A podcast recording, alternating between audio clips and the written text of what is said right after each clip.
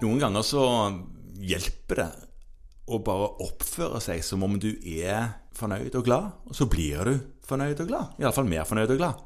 I alle fall er det sånn at dersom du bare setter deg ned og syns synd på deg sjøl og er trist og lei, så er ikke det oppbyggende.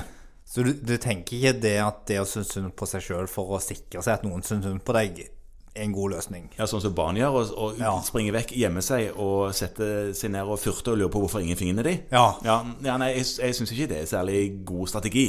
Det er mange som gjør det selv om de ikke er barn lenger. Det er riktig. Ja. men, eh, men hvordan er dette med mm, Er det sånn at eh, smiler man og er man glad, så lever man lenger og har det bedre i landet? Ja.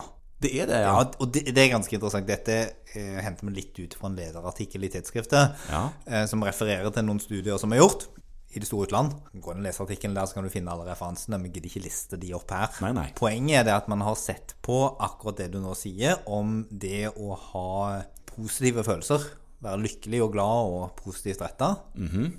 om det medfører at du er friskere. ja. Men det er jo vanskelig å sette seg ned og bestemme hvordan en skal føle, da. Ja, da må man kanskje ta sånn kurs i kognitiv terapi, da.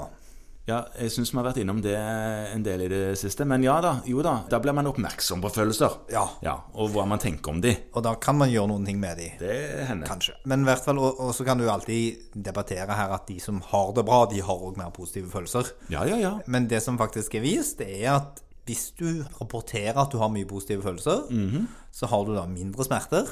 Du har eh, lavere nivå av inflammasjonsparametere. Rett og slett på blodprøver? Ja. Og du har redusert funksjonsfall og skrøpelighet.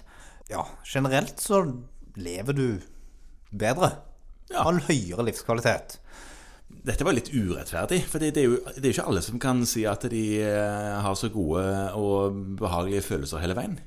Nei, nei og urettferdig, det, det er jo medisinen, dessverre. holdt jeg på å si. Eller livet er jo ganske urettferdig. Å ja. Det man har sett, er at, at for at man skal være lykkelig, så er det jo sånn at det er en del sånne eksterne faktorer som skal på plass. ja, jobb, økonomi, utdannelse. Så det er viktig for hvordan du føler deg? Ja, Ja. det er viktig for hvordan du føler deg. Hva, og- hva, hva, hva må vi unngå, da? Er det noe vi skal, un- må unngå? Prøve å la være? Altså Dårlig utdannelse og ingen jobb høres ut som eh, et lite tårebekk.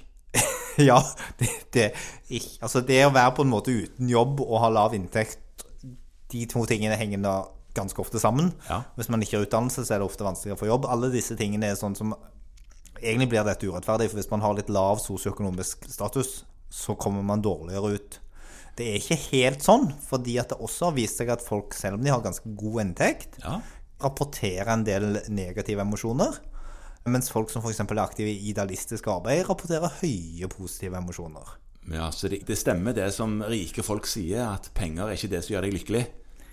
Det var litt vanskelig for oss som ikke har så mye, å eh, være helt enig i det. Ja, det, det er nok sant. Mye av dette bygger også på en, en britisk studie fra den er noen år gammel nå. Den er fra 2008. Og der, der fikk de liksom i oppdrag å se litt på om du kunne finne noen sånne livsvanemessige fem om dagen. Ja. Ikke ikke ting du kunne spise, men ting man kunne gjøre.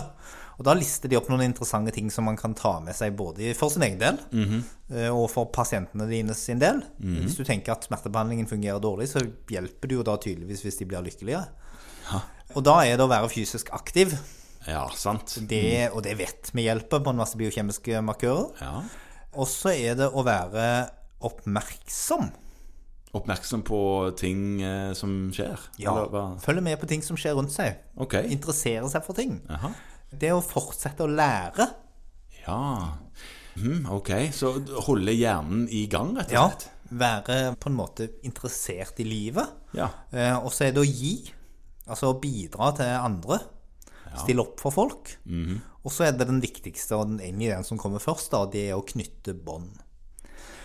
Og dette peker tilbake igjen til noe som annen forskning har vist, og det er nemlig at det å ha sosiale relasjoner, det å være et menneske som en, som en del av en, en flokk, eller i en sosial og en relasjonell setting, Ja. det gir bedre helse. ja. Så det lønner seg ikke å være ensom. Nei, nå fikk det jo det til å høres litt håpløst ut.